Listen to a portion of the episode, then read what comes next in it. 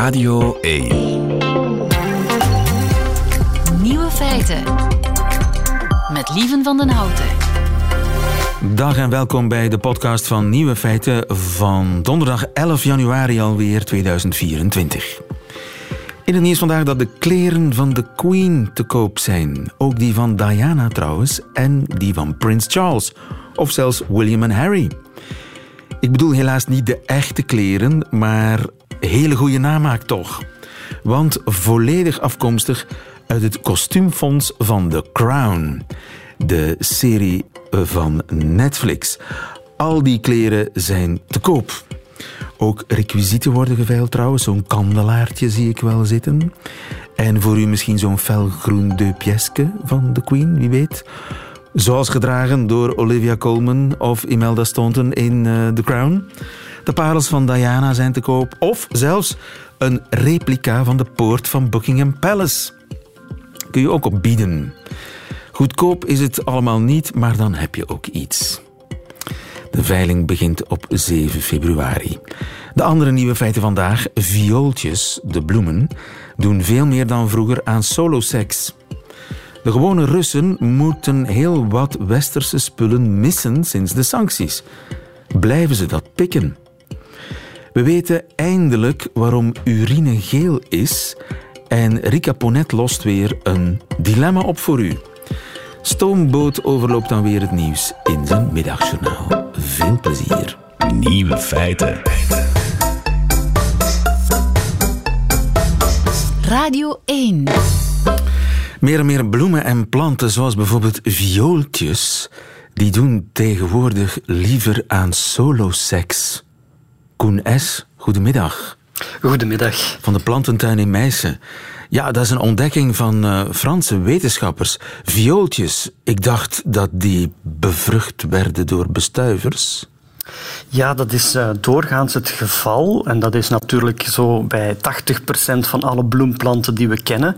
Die zijn de laatste 100 miljoen jaar er echt in gespecialiseerd om uh, de bestuiving door insecten te laten opknappen. Ja.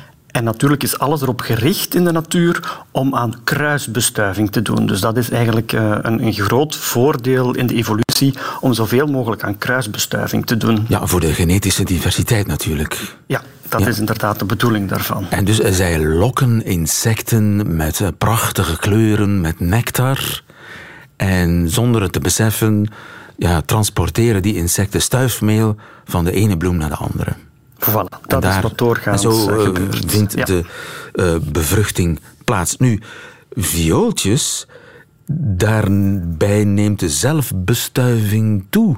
Hoe zijn ze daarachter gekomen? Ja, dus er zijn een aantal plantensoorten die, die wel in de mogelijkheid zijn om aan zelfbestuiving te doen. En het is eigenlijk een soort van valschermmechanisme. Dus als die bestuiving niet kan voltrokken worden, zijn planten zo veerkrachtig uh, om zich eigenlijk aan te passen doorheen generaties uh, en om toch aan die zelfbestuiving te kunnen doen. Beter dat dan verdwijnen natuurlijk. Ja, een soort noodoplossing. En, dan maar mijn eigen zaad erop gooien. Voilà, zo'n soort van noodoplossing. Ja. ja. Het gaat niet over zelf het eigen stuifmeel. Het, ah. het, gaat eigenlijk nog een stapje verder. Het gaat eigenlijk over een soort van uh, niet, uh, niet-bestuiving. Dus eigenlijk okay. de volgende generatie, de zaadjes, die bevatten alleen het genetisch materiaal van de moederplant. Um, dus er komt zelfs helemaal geen uh, stuifmeel meer aan, aan te pas. Dus dat, is in sommige gevallen. bijna. Ja, ja, dus dat is eigenlijk wat dat er kan gebeuren. We kennen dat van bij de paardenbloemen, um, viooltjes. En er zijn een aantal viooltjes, maartse viooltjes viooltjes, bosviooltjes en zo, die dat ook doen. Dus er zijn een aantal plantengroepen die daarvoor gekend staan. Of ook plantengroepen die voorkomen op plekken waar dat er weinig bestuivers zijn. Denk aan het hooggebergte of plaatsen waar veel wind is of waar veel schaduw is. Daar zien we dat die tendens naar die zelfbestuiving of naar wat we zelfs noemen kleistogame bloemen. Bij orchideeën en zo heb je dat. Dus bloemen die zelfs niet meer, dus waar, die, waar geen stuifmeel meer aan te pas hoeft te komen om een volgende generatie zaadjes te produceren. En dat gaat zeer snel, die tendens. Dat gaat zeer snel. Dat heeft men nu ontdekt, inderdaad, bij, uh, in, in Parijs, de regio rond Parijs. Men heeft daar uh, zaadjes uh, laten ontkiemen die in de zadenbank zich bevonden van het Conservatoire de Bayeul, dat die men in de jaren negentig had verzameld. Men is dan op dezelfde plek... oud zaad, inderdaad. En zadenbanken in plantentuinen die dienen daarvoor eigenlijk, om zaden te bewaren voor de toekomst. En men is dan dat oude zaad gaan vergelijken met zaad van uh, recentere oorsprong, die op dezelfde plekken zijn geoogst. En we merken, dus, we weten dat het aantal bestuivers in de regio van Parijs afgenomen is.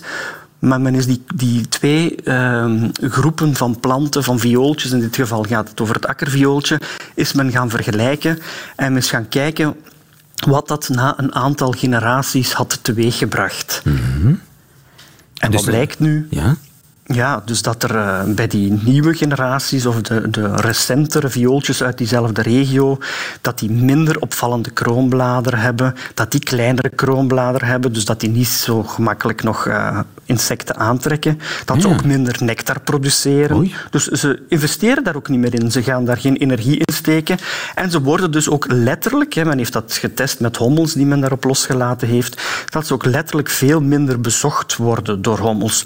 Dus in, in een globale tendens zeggen ze van ja, eigenlijk is er een toename met 27 procent in de richting van die zelfbestuiving binnen die populaties. Op 30 jaar tijd? Op een dertigtal jaar tijd, ja. Dus eigenlijk heel, heel snel in uh, evolutionaire ogen gezien. Soms ja. kan, kan het heel snel gaan, dus op een, een dertigtal generaties. En je, en je kunt dat dus ook uh, werkelijk zien aan de bloem zelf. Die is, laten we zeggen, lelijker kleiner, lelijker, minder nectar. Ja, het is natuurlijk subtieler, hè, maar men heeft dat heel, heel minuscuul uh, gemeten. Maar het zijn inderdaad minder opvallende kroonbladen. Dus je kan het er echt aan zien. Uh, ja. Want ze hoeven geen insecten meer uh, te lokken. Ja, dus men gaat daar inderdaad... Die ze laten zich gaan, als het ware. ze laten zich volledig gaan. Nee, ze gaan geen energie meer steken in iets wat niet meer nodig is. Uh, dat is dan blijkbaar uh, de conclusie die men daar durft uittrekken. Ja, mijn conclusie is: evolutie gaat sneller dan je denkt. Ja, ja, de evolutie staat niet stil en dat is ook iets, niet iets wat in een ver verleden is gebeurd. Evolutie gebeurt nog elke dag. En het kan natuurlijk ook weer de andere richting uitgaan, hè, want sommige mensen zijn dan bang van komen we nu niet in een visieuze cirkel terecht. Eh, als die planten of als die bloemen dan minder bestuivers gaan aantrekken, gaan dan de bestuivers dan ook niet op hun beurt uit de boot vallen, doordat er minder nectar en minder bloemen aanwezig zijn. De insecten, dus ja, ja. In, insecten, sorry. Juist, ja. Ja, ja. Um, dus dan komen we zo in een soort van visieuze cirkel terecht. Maar het kan natuurlijk ook weer heel snel de andere richting uitgaan. En dat is, ja, zo werkt evolutie natuurlijk. Uh, en zo zijn planten en dieren heel flexibel en kunnen zich aanpassen aan de nodige milieuveranderingen. ja, fascinerend. Maar wij zitten wel met kleinere viooltjes. Dat, dat is wel minder goed nieuws. Koen S. van de Plantentuin in Meissen. Dankjewel. Goedemiddag. Goedemiddag. Vraag het aan Rika.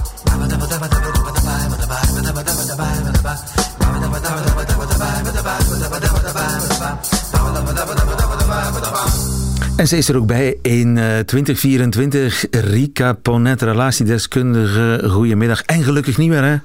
Ja, het mag nog zeker. Hè? Tot de vijftiende mag okay, het nog, okay, dus we ja. doen het. Ja, absoluut. Niels, we gaan meteen aan de slag, ook in dit nieuwe jaar met Rika Ponet. Niels schrijft, ik werk als beleggingsadviseur voor een grote bank. Wauw, Niels, gefeliciteerd. en ik verdien behoorlijk veel. Niels, wauw, ik ben nu 35 en heb financieel veel bereikt, een eigen huis, veel reizen, mooie auto. Hoef eigenlijk niet na te denken als ik iets wil. Ik kan dat meestal wel betalen. Toch denk ik de laatste tijd vaak: is dit het nu? Er is geen mevrouw Niels of een meneer Niels. Kennelijk. Maar goed, dat, uh, daar, dat, dat, dat weten we niet. Ik kan niet zeggen dat ik mijn werk boeiend vind. Oei. Dat ik erdoor gepassioneerd ben. Als ik bedenk dat ik nog eens 30 jaar dit moet doen, word ik instant ongelukkig. Mm-hmm. Ik heb er al vaak aan gedacht om mijn job op te geven, een wereldreis te maken, uit te zoeken wat ik echt graag wil doen met mijn leven. Mijn ouders schieten in paniek als ik het erover heb. Ze begrijpen het niet, alles weggooien wat ik tot nu toe bereikt heb. Het merendeel van mijn vriendenkring leidt een gelijkaardig leven zoals ik, goede jobs, mooie inkomens en stellen zich daar schijnbaar geen vraag bij. Als ik het er met hen over heb, lachen ze het weg of veranderen ze direct van onderwerp. Ja, ik blijf met die vraag zitten. Is er een partner in dit verhaal? Ja, of uh, is dat een rare... Ik heb het gevoel Ligt van dat aan niet. mij?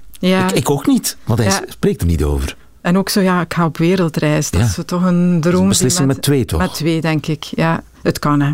Maar goed, laten we ervan uitgaan dat Niels is Ja. vrijgezel, stinkend rijk, 35, mooie auto, beleggingsadviseur. Maar het is niet wat hij, Nee. ja, wat hij, ja, waar hij zich gepassioneerd door voelt. Ja. Ehm, nu, vandaag is dat zo nogal in, hè, om, ehm, om mensen te stimuleren. Je moet eh, iets gaan zoeken op werkvlak of op professioneel vlak dat je passioneert, dat je vervult. eh, van je hobby je, je beroep maken. Je leest ook Heb vaak... jij toch ook gedaan? Eh, Nee. Ehm, ik, heb, ik doe in mijn werk veel van eh, waar ik oorspronkelijk door gepassioneerd eh, was en nog altijd door gepassioneerd ben, maar ik gebruik dat, ik zet dat in. Ja, ik ben gepassioneerd door mijn werk. Ah, ja. ja, mag dat wel zeggen. Ja. Ja, eigenlijk wel. En jij, lieve? Ik ook, ja. Ja. Dus ja, ik, ik kan, Ehm. je zegt, je doet daar zo'n beetje raar over, alsof dat nu nodig is om gepassioneerd te zijn door je werk. Het maakt toch wel een enorm verschil. Zeker, Stel je maar... voor, Rika, dat je elke dag tegen je zin. Mhm. op de klok turend eh, aan een bureautje moet gaan zitten. Nee, dat, is het zeker niet, denk ik. Nu, anderzijds, er zijn toch ook al periodes geweest ehm, waarin ik ook het gevoel kreeg, ik zit in een soort van routine. En dan zocht ik altijd naar manieren om die routine te doorbreken. Ik denk dat we allemaal wel momenten in onze carrière hebben waarbij we ja, toch fundamenteel ons vragen stellen, niet alleen bij die carrière, maar bij de totaliteit van ja, de manier waarop we aan het leven zijn. En ik vermoed dat dat bij hem ook meer nog dan een beroepsvraag, een levensvraag is. Ehm, en we worden daarin dan, dat vind ik wel, toch nogal aangejaagd. De, de sky is the limit. We moeten allemaal het beste uit het leven halen. En Hup, naar de Himalaya. eh, ja, ehm, terwijl waar ik vandaag het vaakst rondwerk met mensen is toch ehm, ja, dat we niet altijd op alle vlak, op elk moment in ons leven, die passie ervaren of eh, die invulling ervaren. Dat gaat dan ook altijd weer over gelukkig zijn. Ehm, maar eh, ja, dat er ook veel momenten zijn waar, ja, waarin dat we dat niet controleren en dat het dan vooral ook gaat over hoe verhoud ik mij ja, tot wat er als een tekort in mijn leven aanwezig is. En wat ik vooral ook heel vaak zie, is zo dat radicaal veranderen van leven. eh, dat is alles weggooien wat je opgebouwd hebt. Eigenlijk ben ik er niet van overtuigd dat dat de juiste weg is. Daar is ook al wel wat onderzoek naar gebeurd. Loopt en- dat slecht af? Ja, want wat lezen we altijd? De verhalen daarover die gelukt zijn. Hè? Dat, zijn ook, dat is ook populair op tv, hè? die programma's. Zo. Ah, ja. We, we verkopen heel onze boel hier en we gaan in Spanje een B&B oprichten. Eh, dan zien we de geslaagde verhalen. Wat we zelden horen of te zien krijgen, zijn de veel talrijkere verhalen. Nou, we zien de verhalen die na veel verwikkelingen en En- moeilijkheden ja. toch nog toch goed aflopen. Iets, iets geworden zijn. Maar er zijn er daar tegenover ontzettend veel die Met hangende pootjes ja, op hun stappen terugkeren en teruggaan. Dus en- hij moet eigenlijk, een- Niels moet eigenlijk nadenken of hij een soort Hollywood-droom eh, najaagt, ja, dan wel of hij echt iets anders wil. Want ik lees ook Ja. weinig over wat hij echt zou willen doen. want dat is het. Eén, weet je wat jouw passie is? Nee, en we kunnen niet allemaal gaan potten bakken of Ja, hij Eh, heeft het over een wereldreis. een wereldreis. Ja. En dan, bij een wereldreis heb ik altijd het gevoel, dat is een soort van vlucht. Eigenlijk, eh, het- ik, ik heb een totaal ongemak bij de wijze waarop ik vandaag leef. En dan eh, ja, gooi ik alles weg en ik, ik vlucht. Hè. Begin ik ga met één reis, zou ik zeggen. Nee, Ja, en dat is heel goed wat je nu zegt, want in plaats van de ga radicale naar Austra- verandering... doe eens iets geks, ga naar Australië Ja. of Nieuw-Zeeland, weet je. Dan heb je het idee van, wauw, ik doe iets, Neem een lange vakantie. ik doe ja. iets groots. Ja, Als je na eh, een, maand in Nepal bijvoorbeeld nog steeds vindt, dat is wat ik de rest van mijn leven ga doen. ja. Oké, En ook de geleidelijkheid voor al die andere thema's in uw leven, hè, waar ik echt van overtuigd ben. Eh, Weet je, zo'n radicale keuze maken, hè, dat is ook niet simpel. Hè. Ik zie veel mensen die jaren worstelen met radicale keuzes. Het is dit of het is iets totaal anders. En daar uiteindelijk nooit uit geraken. En daar dan eigenlijk ook volledig in verzuren. Want de angst om te verlaten wat ze hebben, is veel groter dan het verlangen naar die hele grote radicale droom, waar ze toch nooit naartoe gaan. dus jij pleit voor een beetje redelijkheid. En geleidelijkheid. Geleidelijkheid. Geen revolutie, evolutie. Ja. Kijk eens, ah, misschien moet ik gewoon verhuizen. Al, al was het maar ja, verhuizen, dat kan iedereen. Jij, Dat, jij formuleert het eh, eh, absoluut heel goed. Geen revolutie, maar evolutie. En dat gaat geleidelijk. Dat gaat erover verander kleine dingen in je leven en dat creëert een vorm van een proces. Hè, iets waarbij je het gevoel hebt, ik zit niet vast, want dat is ook wat hij nu Ja. zo wat aan heeft. Hè. Ik zit hier nu in dit leven, allemaal mooi en goed en wel, maar wat kan ik nu nog verwachten dat anders is dan wat ik nu al ken? En dan gaat het erover, ja, zoek andere invullingen. Ga een nieuwe hobby eh, Ja. proberen. Maak inderdaad een reis. Ehm, Verbrand geen bruggen. ja, eh, ja, kies de weg van de geleidelijkheid. Zorg voor kleine veranderingen in je leven. En als je regelmatig veranderingen doorvoert in je leven, ehm, dan zie je dat op het einde van de rit dat er eigenlijk heel veel veranderd is. Dus zoals je direct de top van de berg wil bereiken, terwijl ja, de weg daar naartoe, de stappen daar naartoe, ehm, eigenlijk het belangrijkste zijn.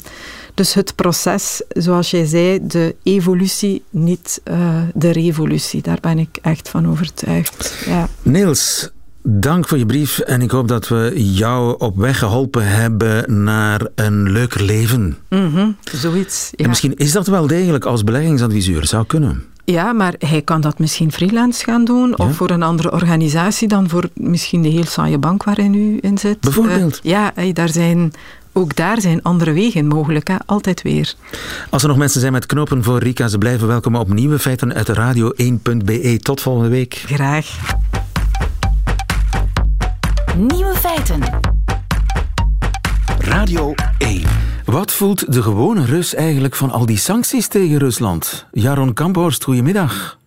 Goedemiddag, lieve. Je bent Rusland-correspondent eh, voor Trouw. Je mag Rusland niet in. Je zit tegen de grens aan in Tbilisi, in Georgië. Die eh, oorlog die duurt nu al bijna twee jaar. Hè? De sancties ook tegen Rusland. Kunnen ze daar nog naar de IKEA? Nee, dat, dat kan al een hele tijd niet meer. Eigenlijk toen die oorlog uitbrak eh, eind februari 2022... toen uh, gingen heel veel westerse bedrijven die hebben zich weggetrokken. Waaronder de IKEA en de McDonald's en de H&M en zo. En die zijn gewoon Dus nee, dicht kunnen of meer, eh, overgenomen door Russische bedrijven? Of zijn die winkels gewoon dicht? Nou, die winkels zijn dicht en ehm, ehm, veel zijn wel vervangen door een soort van namaak McDonald's bijvoorbeeld. Je hebt de Vkushna i Tochka, dat is een heel bekend voorbeeld. Die hebben de McDonald's vervangen en die doen eigenlijk precies hetzelfde. Ehm, maar ja, dan hebben ze een heel ander logo, maar wel een soort van dezelfde burgers en dezelfde friet en eh, noem maar op. Dus het is een soort van eh, ja, een soort namaak. eh, westerse bedrijven zijn er nu heel veel. En lijken die daar een beetje op ook van smaak? Of is dat toch een, een kwaliteit minder? Nou ja, ik heb, ik heb een paar vrienden gesproken en, en kennissen uit Moskou die, die daar nog steeds zitten. En bijvoorbeeld die, die Vkushna Dorchka, die vervanger van de McDonald's. Daar zeggen ze wel over dat, dat ze, ze doen hun best om, het, eh, om hetzelfde te doen. Maar omdat ze natuurlijk niet de, ja, niet de kwaliteitsgarantiesysteem hebben... wat die grote westerse ketens hebben... is het vaak heel verschillend de kwaliteit. Zelfs, met de, zelfs bij de McDonald's, die überhaupt dan natuurlijk niet, niet, niet heel lekker is... naar mijn persoonlijke smaak. Maar ehm, zijn ze dus niet echt in staat om, de, om die kwaliteit te garanderen... bij al die filialen die Ja, ze hebben. plus bij McDonald's is waarschijnlijk alles heel gestandaardiseerd. Ik bedoel, een McDonald's maakt altijd precies hetzelfde. Eh, daar is natuurlijk ook know-how voor nodig. Exact, exact. En die IKEA, kun je daar dan zo van die, van die gedemodeerde eh, namaakmeubeltjes kopen? Nou, ze hebben nu, ze hebben nu wel andere soortige bedrijven. Die, eh, ze hebben niet, voor zover ik weet, hebben ze niet de IKEA helemaal nagebouwd. Ehm, en de IKEA die voert natuurlijk geen, geen spullen meer in. Dus er zijn nu wel een soort van Russische alternatieven die erin springen. Ja. Ehm, maar de, de, de IKEA is voor, voor zover ik weet nog niet helemaal, eh, nog niet helemaal vervangen. Ja. Nog geen goed alternatief. En dan eh, televisie, ik zeg zo maar wat. eh, Netflix, kun je Netflix kijken in Rusland? Nee, dat, dat, werkt, dat werkt ook niet meer. Je kan natuurlijk wel een VPN gebruiken. Hè? Dus dan, dan, dan met zo'n server die je dan, dan ga je de server op in Europa bijvoorbeeld. Dan kan het nog wel met dat je dat soort technologie gebruikt. Maar in principe kan je als Rus Netflix niet meer op. Nee. Ja, dan moet je al voor, eh, weten hoe dat voor- moet hè, met die VPN. En, eh, Ja, ja, exact. Ik weet niet of je dan je abonnement nog makkelijk kunt betalen, dat soort dingen. Of Nee, niet? dat, dat, is ook een, dat is inderdaad ook een probleem. Je hebt met die betalingen gaan natuurlijk niet meer, want ze zijn ook afgesloten van het BIC-systeem, Ja. het internationale betalingssysteem. Dus dat is ook, dat is ook heel moeilijk om eh, geld over te maken naar, naar het buitenland of Ja. te ontvangen vanuit het buitenland. Ja. En de grote bioscoophits, Wonka bijvoorbeeld, kunnen ze naar Wonka? Nee, nee, wordt ook allemaal niet meer uitgezonden. Barbie mocht ook niet en eh, noem maar op. Dat wordt uiteraard wel weer, die worden wel illegaal eh, ergens van het internet afgeplukt vaak en dan alsnog in de bioscoop eh, vertoond. Dat Oh ja. Van vrienden ook in Moskou die dus wel zijn, die wel naar, naar Oppenheimer zijn die geweest, geloof ik. Uh, maar, dat, maar nee, die Hollywood uh, die geven geen licenties meer af voor Rusland. Dus in principe uh, draait dat nergens meer op een paar illegale piratenversies na. Ja, en dan is de vraag natuurlijk hoe de kwaliteit daarvan is. Hè? Want als dat is van ja, iemand die met een iPhone in, heeft zitten kijken in, in een Berlijnse bioscoop, dan, dan denk ik dat, dat, toch, dat je toch maar, laten we zeggen, 2% meekrijgt van wat die film eigenlijk is. Exact, dat is toch een beetje jammer inderdaad. Ik ga maar door. Duitse auto's kopen. Nee, dat gaat ook absoluut niet. Dat is, dat is, wel, een, uh, dat is wel een ding. Ook dat was al de laatste keer dat ik in Moskou was. Dat was in juli 2022, dus nadat de oorlog uitbrak. Toen ben ik er nog even geweest. En toen zag je al dat al die uh, autoverkoopcentra... Dus waar eerst de BMW aan de muur hing. Dus al die logos van BMW en Mercedes en Volkswagen en noem het maar op. Die waren er al weggehaald. En um, daar hingen met name allemaal um, Aziatische en Chinese merken voor in de plaats. En um, ik bedoel, die auto's van, van Duitse, die Duitse auto's bijvoorbeeld, die komen nog wel Rusland in, maar die aan de omweg. Dus bijvoorbeeld via, dan gaan ze van Duitsland naar, eerst naar Georgië en dan naar Kazachstan. En dan worden ze alsnog Rusland ingevoerd. Maar dat betekent natuurlijk ook dat ze één, veel duurder zijn. Ja. En ze zijn gewoon veel minder, uh, veel minder te verkrijgen. En uh, ja, officieel worden ze dus niet meer verkocht. Dus er zijn nu allemaal Aziatische merken voor in de plaats gekomen. En daar, uh, ja, daar balen Russen wel van. Want zeker in Moskou houden, hielden mensen nogal van... of houden mensen nog steeds van westerse auto's. Ja, ja. En dure auto's ook vooral. Dure westerse auto's, daar kon je mee uitpakken ja. in de straten van Moskou. Maar dat wordt alsmaar moeilijker en alsmaar duurder. Tweedehands kun je die natuurlijk wel nog kopen. Ja, klopt. Er zijn ook veel mensen die hun twee, of, of hun ja, auto van 10 jaar oud, ik noem maar wat een Mercedes van 10 jaar oud, nu verkopen um, in, in, in Moskou of Sint-Petersburg of wherever in Rusland. En dat doen ze dan vaak ook voor de, bijna voor de nieuwprijs van uh, waar ze hem destijds voor gekocht hebben. Dus die auto's gaan echt voor heel veel geld nu uh, van hand op hand. Uh, ja, dat, dat is de enige manier waar, waardoor mensen er nog aan kunnen komen over het algemeen. Ja. En Lada, bestaat dat nog? Ja, dat bestaat zeker auto's? nog. Ja, ja, die, hebben allemaal, ja, toch? die hebben allemaal nieuwe... nieuwe die, die produceerden altijd al nog steeds auto's. En die zie je ook in de, in de, in de voormalige Sovjet-republieken... zie je die überhaupt nog veel rijden, maar in Rusland ook. En die maken ook nog nieuwe auto's. Alleen die zijn wel wat gevaarlijker... omdat ook die westerse sancties... die verbieden bijvoorbeeld allemaal geavanceerde technologie... en dat soort dingen. Maar dat, bijvoorbeeld, er zijn nu auto's die worden gemaakt, met name Lada's zijn dat, waar uh, geen goed uh, remsysteem op zit of uh, waar zelfs geen airbags in zitten, dat soort zaken. De Lada uit de jaren 80 is terug. Aan, de Lada Niva. Hè? De Lada Niva, ja. ja. mooie auto's hoor. Ja, leuk. Heel leuk. Ja. maar, dus alles kost veel. Je kunt nog een Duitse auto kopen, maar dan moet je een pak geld op tafel. Is er nog geld? Verdienen de mensen nog geld? Is er nog koopkracht? Nou ja, ze verdienen nog wel geld natuurlijk. Ik bedoel, er zijn nog, er zijn nog wel genoeg banen, wat ik begrijp van, uh, van vrienden en kennissen. Maar wat wel echt een groot probleem is, is de inflatie. Alle prijzen zijn echt heel erg omhoog. En dat heeft natuurlijk deels met, uh, met die sancties te maken. Um, maar bijvoorbeeld ook te maken met dat de defensieuitgaven heel erg omhoog zijn gegaan in Rusland. Dus die hele economie is ook een beetje veranderd. Het is een beetje een oorlogseconomie, uh, of niet een beetje, het is gewoon een oorlogseconomie geworden. Dus uh, de industriële productie is heel erg omhoog, want, want de militaire productie is heel erg omhoog. Dus um, ja, er zijn ook meer banen in, in de industriële sector, in de militaire sector. Ja, maar goed, dat, dat als, wel, als de inflatie zo gigantisch is, als je hetzelfde uh, moet kopen voor dubbel zoveel geld, ja, dan ben je de facto natuurlijk verarmd. Uh, ja. Kunnen ze nog op vakantie? Nee, wat ik begreep van, uh, van uh, iemand die ik sprak uit Moskou ook, die, die had heel veel. Zij kon nog wel weg af en toe, want zij verdient vrij goed. Maar heel veel mensen om haar, uh, in haar omgeving die kunnen inderdaad niet meer op vakantie, doen geen grote aankopen meer. Gewoon omdat het te duur is? nou ja, ja, dat soort zaken. Gewoon, gewoon heel basisleven en beknibbelen op de, op de boodschappen, dat soort zaken. Ja. Vinden ze die oorlog nog wel leuk?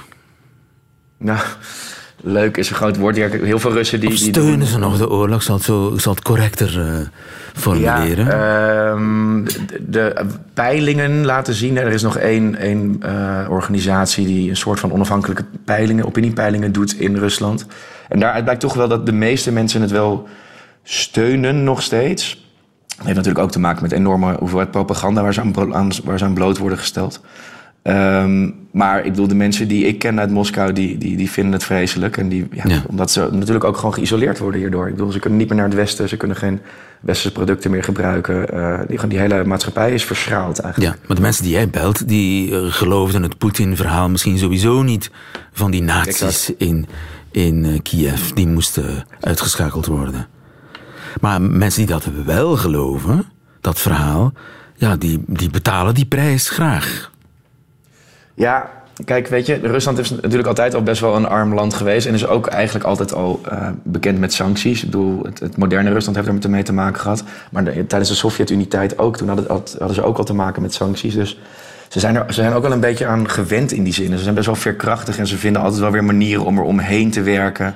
Zoals nu inderdaad zo'n parallele import. Hè, dus wat je hebt dat het via andere landen naar binnen komt. Of dat ze een VPN gebruiken. Of, ja, ze zijn altijd best wel creatief met dat omzeilen. Maar inderdaad, de consequentie is wel dat, dat basisproducten ook gewoon duurder, worden. Zoals eieren of, of dat soort zaken. Gewoon alles wordt wel duurder. En dat, ja, dat kan op een gegeven moment wel een probleem gaan worden voor, uh, voor de Russische regering. Want als dat echt doorgaat en, en ongekende proporties aan gaat nemen... dan, ja, dan gaan mensen natuurlijk op een gegeven moment... Uh, wel echt uh, nou ja, in opstand komen is misschien een groot woord, maar ja, dan gaan ze wel een beetje uh, moeilijk lopen doen, denk ik, op een gegeven moment. Zeker. De klok tikt dus ook voor Poetin.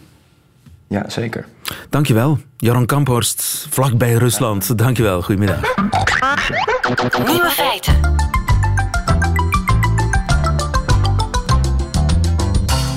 Een prangende levensvraag is eindelijk opgelost, met name deze.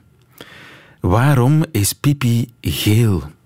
Piet Hoebeke, goedemiddag. Goedemiddag, lieve. Uroloog van Tuzet in Gent. Uh, wisten we dat nog niet eigenlijk? Ja, we wisten het wel, maar we wisten niet de details van het verhaal. Hè. We wisten wel dat uh, urine geel wordt omdat de afbraakproducten van rode bloedcellen erin terechtkomen.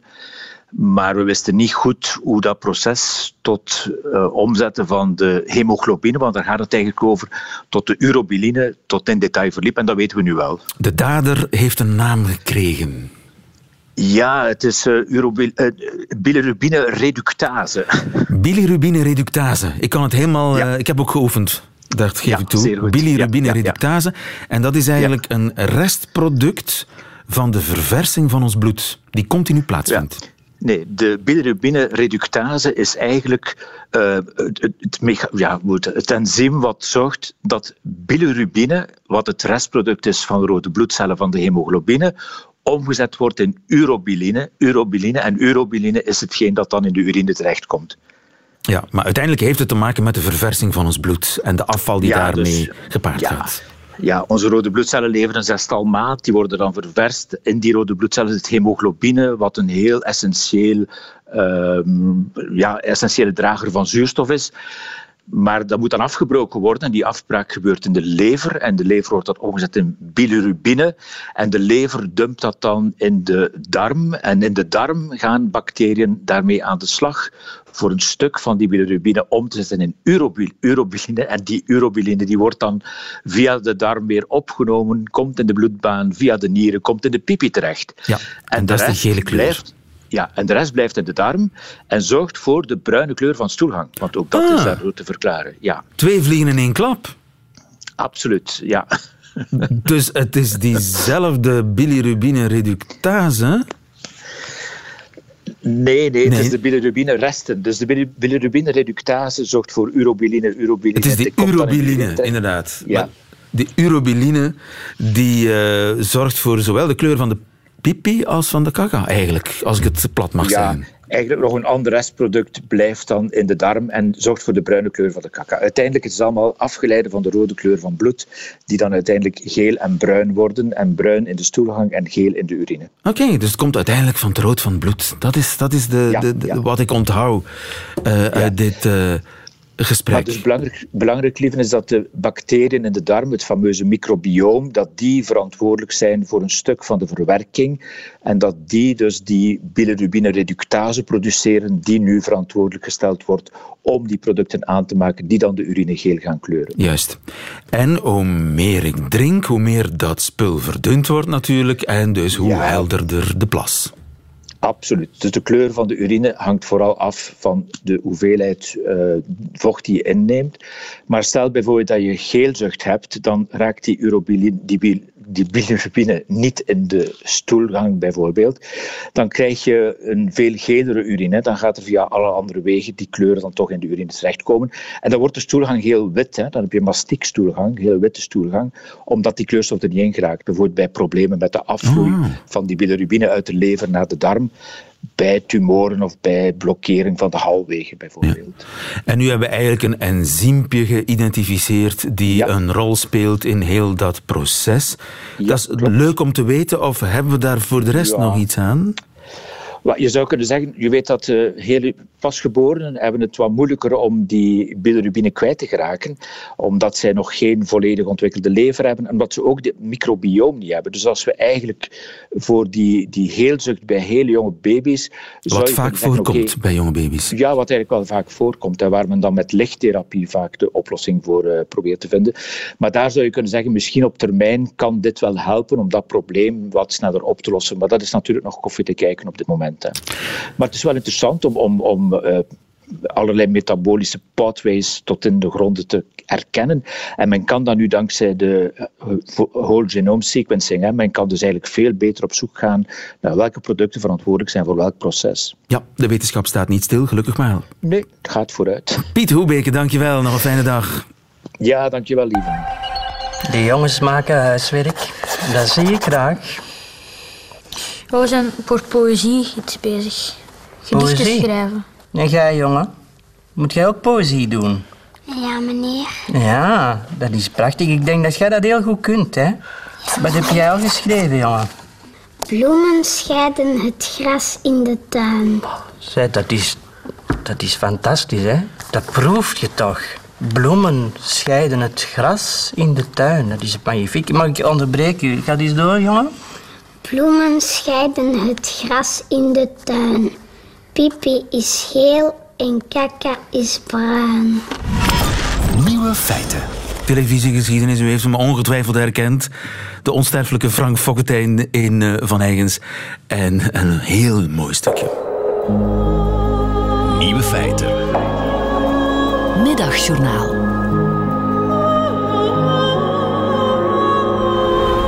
Wie doet er deze week het middagjournaal? Wel, Stoomboot, alias Niels Boutsen. En dat doet hij, dat weet u misschien al, dat doet hij gewoon op muziek. Een nieuwsoverzicht op muziek, Stoomboot. Ons huis ligt steeds ongelooflijk overhoop. Super moeilijk jezelf organiseren.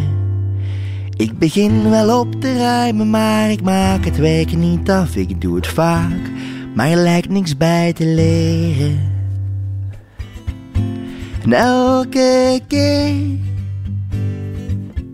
bedenk ik weer. Ben ik dan de enige die nooit relatine voorgeschreven kreeg? Zonder diagnose lukt het me nog net, maar wat zegt dat over mijn zorgbudget? Ik zie lippen bewegen, mijn vrouw heeft iets gevraagd, maar ik heb niet opgelet. Ben ik dan de enige die nooit relatine voorgeschreven kreeg? ADHD, ADHD, ADHD. Me concentreren is niet het probleem, maar shit, waar loopt de hond met mijn sokken heen? Ben ik dan de enige die nooit relatine voorgeschreven kreeg? Stoomboot in het middagjournaal. Einde van deze podcast. Hoort u liever de volledige nieuwe feiten met de muziek erbij. Dat kan natuurlijk elke werkdag live tussen 12 en 1. Of uitgesteld via de app van VRT Max. Tot een volgende keer.